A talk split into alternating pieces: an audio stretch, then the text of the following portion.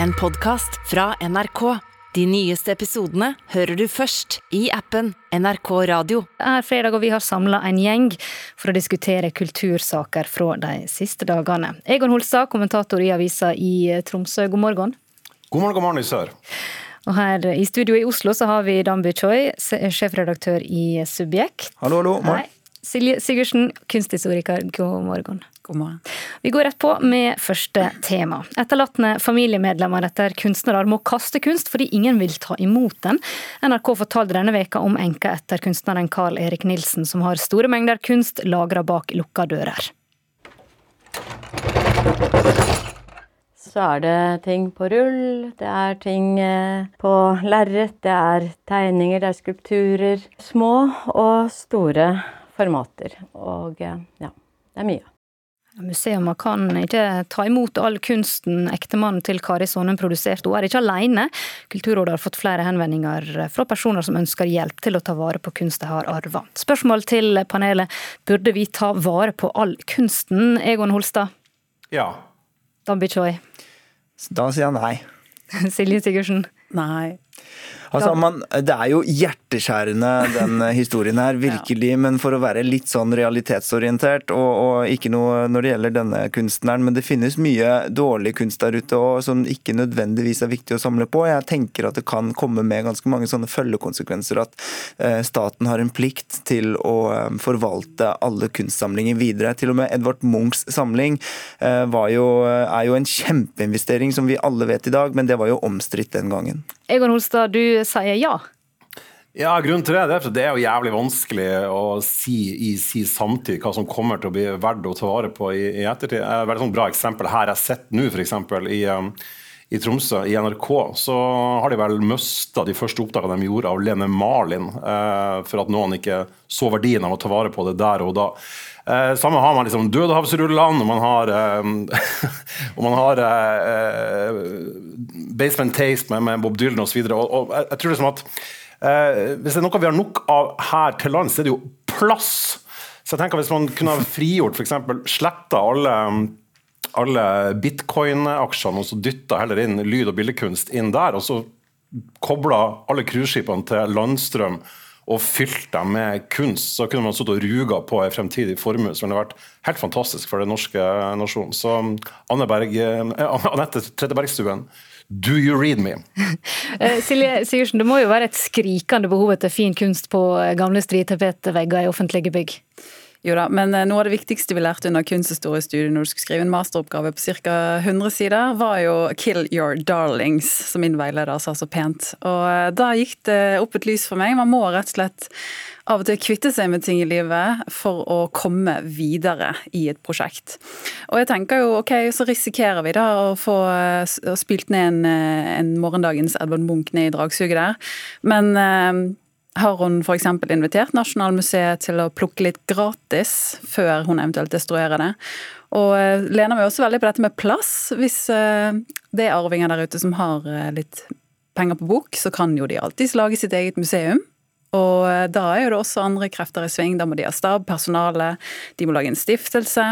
Så man kan jo også legge tilbake litt ansvaret på arvingene selv? Altså Er de villige til å ta den kampen eh, for å bevare, formidle og vedlikeholde kunstneren sitt ettermæle sjøl? Det, det, som er skummelt med det her, det er jo at hvis man da skal vurdere hva som er populært og høyverdig i samtida, det som er populært akkurat nå, så vil man kanskje ende opp med, med museer som så forkasta fremtidas Munch og van Gogh osv. Og, så videre, og så sitter man igjen med digre samlinger med, med, med DDE og kitsch og, og uh, scooter og uh, vikinger. Da. Så man må liksom være forsiktig med å tro at det man ser nå, har verdi.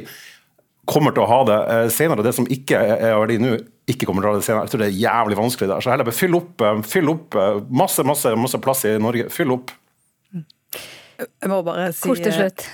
Ja, det er jo der vi også må tørre eh, å tro på institusjoner og fagpersoner der, at de Helt klarer enig. å ta den avgjørelsen også.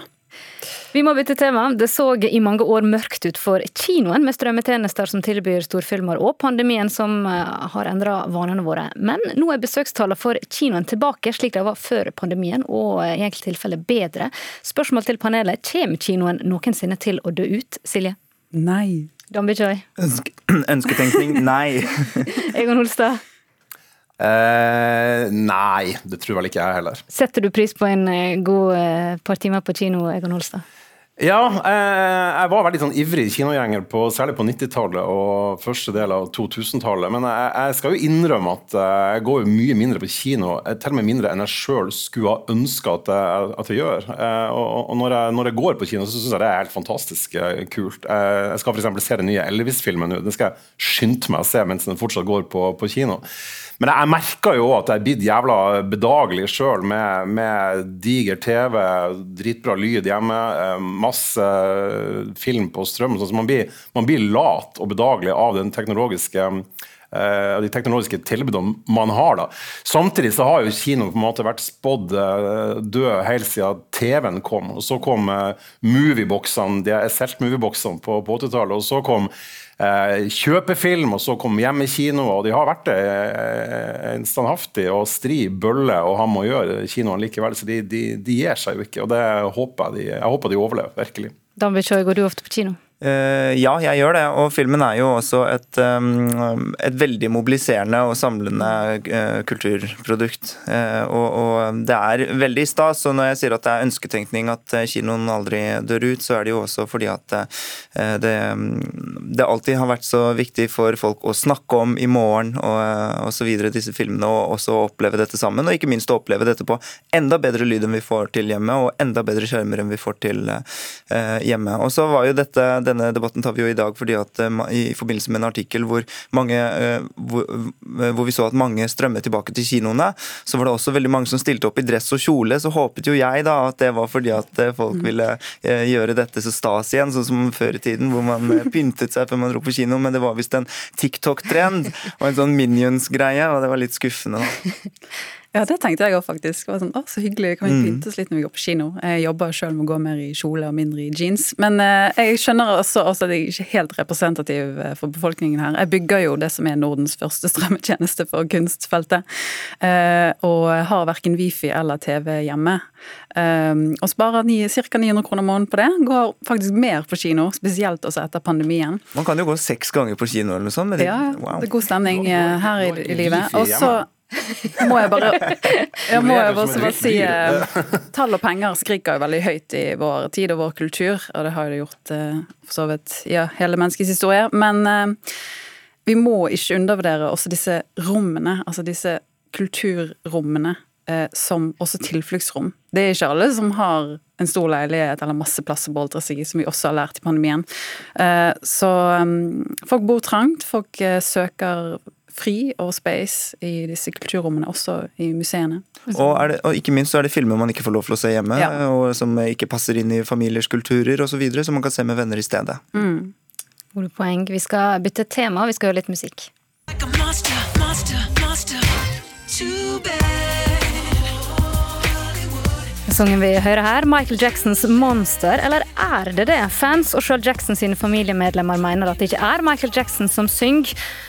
Og denne veka så fjerna Sony, Spotify og Apple Music denne og to andre sanger fra sine strømmetjenester. Ikke fordi de kanskje ikke er ekte, men fordi de ville ha slutt på spekulasjonene. Spørsmålet mitt til panelet er det Michael Jackson vi hører her, Silje Sigurdsen? Jeg tenker der med teknologien Der tror jeg på robotene bedre enn min egen vurderingsevne. Ja, Vi må finne fugleforskere og, og, og roboter for å avklare om lydbåndet er Men nei. nei. Nei. Dami Choi? Nei. Egon Olstad? Ja, da sier jeg ja.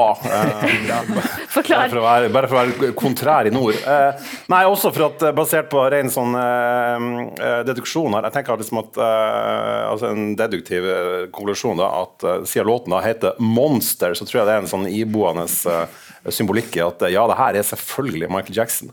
og det jeg syns er litt morsomt, er jo det at NRK jeg var sjøl i en debatt her i NRK for noen år siden der NRK hadde bestemt seg, NRK hadde plutselig oppdaga at Michael Jackson ikke bare var en sånn superbra person. Eh, og da bestemte de seg for å sensurere og ikke spille Michael Jackson på sine egne eh, eh, kanaler i en periode hvor det gikk en dokumentar som de sjøl hadde kjøpt inn med Michael Jackson. Eh, så jeg tenker, Nå har jo det endelig NRK fått det som de ville. De får liksom spist opp katalogen til Michael Jackson låt for låt. Og til slutt vil de ende opp da med en verden hvor vi er fri fra Michael Jackson. Så det her er kanskje noe NRK har satt i gang, og som endelig har lykkes da med. Litt eh, konspirasjonsteorier der. Da, blir det som en blanding av kanselleringskultur og vill konspirering, men, men, men, jeg skjønner hva du mener. Og, og det er jo um, kanskje også egeninteresse som alltid har vært spekulert i også hva gjelder anklager, og um, også de voldtektsanklagene som, man, eh, som, motparten alltid, og fansene til Michael Jackson alltid har forsvart. Da, at eh, dette er bare for egen interesse, og i det amerikanske rettsvesenet kan jo alt skje. Men, uh, vi, uh, men det er også litt sånn fristende å tro at plateselskapet har vært litt sånn Der kan også alt skje, da, for å si det sånn. Og, det, og det, det, dette albumet, Disse låtene er jo tre låter fra det nyeste albumet, albumet som kom et år etter at Michael Jackson døde. Det kan jo tenkes at dette plateselskapet bare manglet de tre låtene, liksom. Ja, Silje, Er det så viktig å finne ut av om det er Michael Jackson eller ikke? Jeg tenker at Det er ganske avklart allerede. Det, på albumet står det visst på baksiden at uh, dette er ni uh, unreleased vocal tracks. Uh, og de skriver også at um, dette using music from the original vocal tracks and music created by the created producers. Så det betyr hvert fall sånn som jeg tolker det, at de har satt sammen eh, låter basert på tidligere eh, Altså stemmen hans, og så har de reprodusert nye låter. Så det er jo en robot og en produsent som egentlig har laget disse låtene, ikke Michael Jackson. Egon Holstad, er det så farlig? Juks og justeringer skjer jo hele tida. Nei, altså For min del så må gjerne hvem som helst uh, synge Michael Jacksons låter. Det er vel kanskje det jeg bryr meg aller minst om i hele verden. Hvem som synger de her tre fuckings låtene til Michael Jackson. Så jeg tenker Man kan jo kanskje bare ta, ta det enda lenger ut og så la noen andre konsekvent synger Michael Jackson sine låter. F.eks. noen som har et sunt forhold til barn. Hvis eksempel Peder Kjøs er sikkert en sånn bra fyr. Så jeg tenker Heal the World og la Peder synge Michael Jackson sine låter. Jeg tror det vil bli en bedre verden. Ja, for, for, en som bryr seg, da. Og jeg, jeg, jeg skjønner jo Michael Jackson-fans som blir sinte eller frustrerte over at noen prøver å imitere ham. og liksom Det er litt respektløst også.